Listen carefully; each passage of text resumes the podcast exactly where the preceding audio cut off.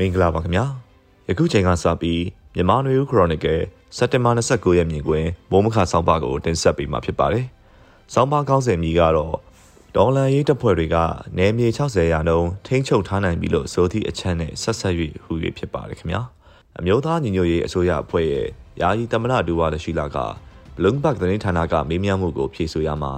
နိုင်ငံရဲ့ area 60ရာနှုန်းကိုဒေါ်လာရေးအင်အားစုတွေကထိန်းချုပ်ထားနိုင်ပြီး စစ်ကောင်စီဘက်က18ရာခိုင်နှုန်းသာထိန်းချုပ်ထားနိုင်တော့တယ်လို့ပြောဆိုလိုက်ပါတယ်။ဒေါ်လာရေးအင်အားစုတွေလို့ဆိုတဲ့အထက်ဘလို့လက်နက်ကင်အဖွဲ့တွေကိုထည့်သွင်းတွက်ချက်ထားလဲဆိုတာတော့တိတိကျကျရည်ညွှန်းပြောဆိုမထားပါဘူး။စစ်အာဏာသိမ်းပြီးနောက်ပေါ်ထွက်လာတဲ့ပြည်သူ့ကာကွယ်ရေးတပ်ဖွဲ့တွေနဲ့ဒိုင်းရင်သားလက်နက်ကင်အဖွဲ့တွေကိုရည်ညွှန်းတာလို့တော့ရေဘူးရအဖြစ်နားလည်နိုင်ပါတယ်။သို့ပေမဲ့ NUG ကိုလည်းအတိအလင်းထောက်ခံမှုမရှိတဲ့အချို့သောတိုင်းရင်းသားလက်နက်ကိုင်အဖွဲ့တွေလည်းရှိတာမို့လို့ဘယ်အဖွဲ့တွေကိုဒေါ်လာရေးအင်အားစုတွေလို့ထဲသွင်းသတ်မှတ်ရည်တွက်တယ်လဲဆိုတာမရှင်းလင်းတဲ့သဘောဖြစ်ပါတယ်။နယ်မြေအနေအထားအရပြောရရင်ရှမ်းပြည်နယ်မှာရှိတဲ့တိုင်းရင်းသားလက်နက်ကိုင်အဖွဲ့လိုမျိုး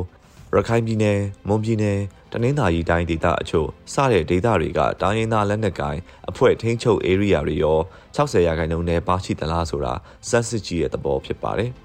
ယခုလို60ရာခိုင်နှုန်းရှိပြီလို့ပြောဆိုချက်ဟာလက်နက်ကိုင်လှုပ်ရှားမှုတွေပါဝင်နေတဲ့သူတွေအတွက်တော့စိတ်သက်အင်အားတက်ကြွပွဲရာပြောဆိုချက်တစ်ခုဖြစ်မှာအမှန်ပဲဖြစ်ပါတယ်။စစ်ကောင်စီတပ်တွေစုပ်ပြီးနေရပြီဆိုတဲ့အတိတ်ပဲစုံမုံထင်းချုပ်ထားနိုင်တဲ့ area တဖြည်းဖြည်းယောနေလာနေပြီဆိုတဲ့အတိတ်ပဲဆောင်းတာကြောင့်စိတ်သက်အင်အားတက်ကြွစေရာမကြားခင်မှာလက်နက်ကိုင်နည်းနဲ့စစ်ကောင်စီကိုဖြုတ်ချနိုင်တော့မယ်ဆိုတဲ့မျှော်လင့်ချက်တွေပုံမအားကောင်းလာတဲ့သဘောဖြစ်ပါတယ်။တစ်ဖက်မှာလည်းလက်နက်ကင်တိုက်ပွဲတွေကျဲပြန့်လာခြင်း တိုက်ပွဲ area ကျဲပြန့်လာခြင်းနဲ့အတူစစ်ဘေးဒုက္ခတွေထိခိုက်ဒေဆုံးမှုနေအိမ်တွေပိုင်ဆိုင်မှုတွေပျက်စီးဆုံးရှုံးမှုအသက်မွေးဝမ်းကြောင်းလုပ်ငန်းမလုပ်ကိုင်နိုင်ကြတော့တဲ့အတွက်စားနပ်ရိက္ခာမလုံလောက်မှုအုပ်ချုပ်ရေးတရားဥပဒေစိုးမိုးရေးမရှိတော့သလိုဖြစ်လာနေတဲ့အတွက်တိုးပွားလာနေတဲ့ရာဇဝတ်မှုတွေနဲ့လက်နက်ကိုင်တိုက်ပွဲတွေပိတ်ဆို့မှုတွေလက်နက်ကိုင်အဖွဲ့အစည်းတွေလက်နက်ကိုင်တိုက်ပွဲတွေအတွက်ကောက်ခံတဲ့အခွန်အကောက်တွေကိုထမ်းပိုးထားကြရတဲ့အကျိုးသက်ရောက်မှုတွေလည်းကြပြိုင်နဲ့တည်းများပြားလာနေတာဖြစ်ပါတယ်။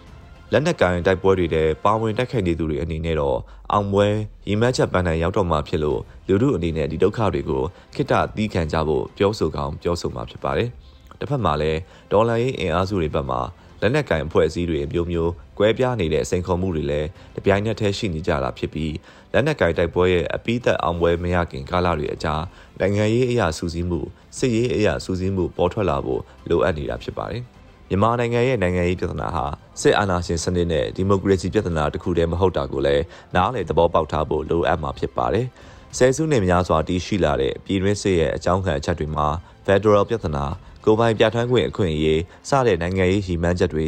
ညှော်မှန်းချက်ပန်းနိုင်တဲ့ဖြစ်ပေါ်လာတဲ့လက်နက်ကင်တော်လှန်မှုတွေလည်းရှိနေတာကိုသတိပြုဖို့လိုအပ်မှာဖြစ်ပါတယ်။တခုမကတဲ့ပြဿနာအပေါ်အခြေခံခဲ့တဲ့လက်နက်ကင်ပြိပခတွေရဲ့အနေအထားမှာအဖြူမဲခွဲခြားဖို့မလွယ်ကူတာ အချိန်တွေနဲ့အနေအထားပေါ်မူတည်ပြီးမဟာမိတ်ရန်သူဂျားနေသူဆိုတဲ့ချိန်ခွင်ရှာပြောင်းလဲနိုင်မှုတွေလည်းရှိနေတာကိုသဘောပေါက်နားလည်ဖို့လိုအပ်မှာဖြစ်ပါတယ်။လက်နက်ကင်တိုက်ပွဲနီးလန်းကအဆုံးသက်အောင်ပွဲရသည့်အထိကင်ဆွဲရမယ့်နီးလန်းလည်းဖြစ်ကောင်းဖြစ်ပါလိမ့်မယ်။ဒီအခြေအနေအောက်မှာလူမှုအနေနဲ့ပါဝင်လိုက်ပါနေရတဲ့အနေအထားမှာလူမှုရဲ့ပါဝင်နိုင်မှုအသက်ရှင်သန်နေထိုင်နိုင်မှုကိုလည်းတတ်နိုင်သမျှထည့်သွင်းတွက်ချက်ပြီးရှေ့ဆက်လှမ်းကြဖို့လိုအပ်မှာအမှန်ပဲဖြစ်ပါတယ်။ ဆယ်စုနှစ်ခုနှစ်ခုကျော်ကြာလာတဲ့ပြည်တွင်းလက်နက်ကင်ပြိပခအတွေ့အကြုံရှိတဲ့တိုင်းရင်းသားလက်နက်ကင်တွေအနေနဲ့ဒီလိုရေချိန်မျိုးကိုနားလေသဘောပေါက်ကြတာတွေ့ရပြီးတိုင်းရင်းသားလက်နက်ကင်အဖွဲ့တွေအနေနဲ့သူတို့ရင်ဆိုင်ရတဲ့လက်နက်ကင်တစ်ဖွဲ့ကတစ်ဖွဲ့ချင်းရှင်ရင်အင်အားအပြတ်အသက်တာလွန်တဲ့လက်နက်ကင်အဖွဲ့ကိုရှင်ရတာကြောင့်ရေရှည်မဟာဗျူဟာမျိုးချမှတ်က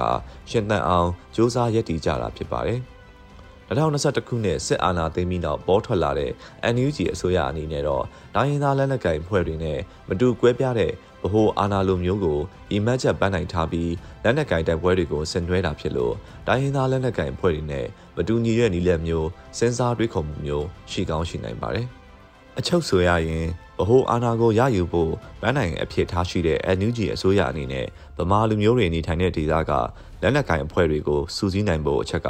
အဓိကကျတဲ့အချက်ပထမအရေးကြီးလိုအပ်ချက်တစ်ခုဖြစ်တယ်လို့တိုင်းရင်းသားဒေသတွေမှာထိ ंछ ုပ်ထားကြတဲ့တိုင်းရင်းသားလက်နက်ကင်အဖွဲ့တွေနဲ့မဟာမိတ်ဆက်ဆံရေးပူးပေါင်းဆောင်ရွက်မှုတွေကလည်းဒုတိယအရေးကြီးဆုံးလိုအပ်ချက်ဖြစ်တယ်ဆိုတာသဘောပေါက်နားလည်ဖို့လိုအပ်တာပဲဖြစ်ပါတယ်ခင်ဗျာ။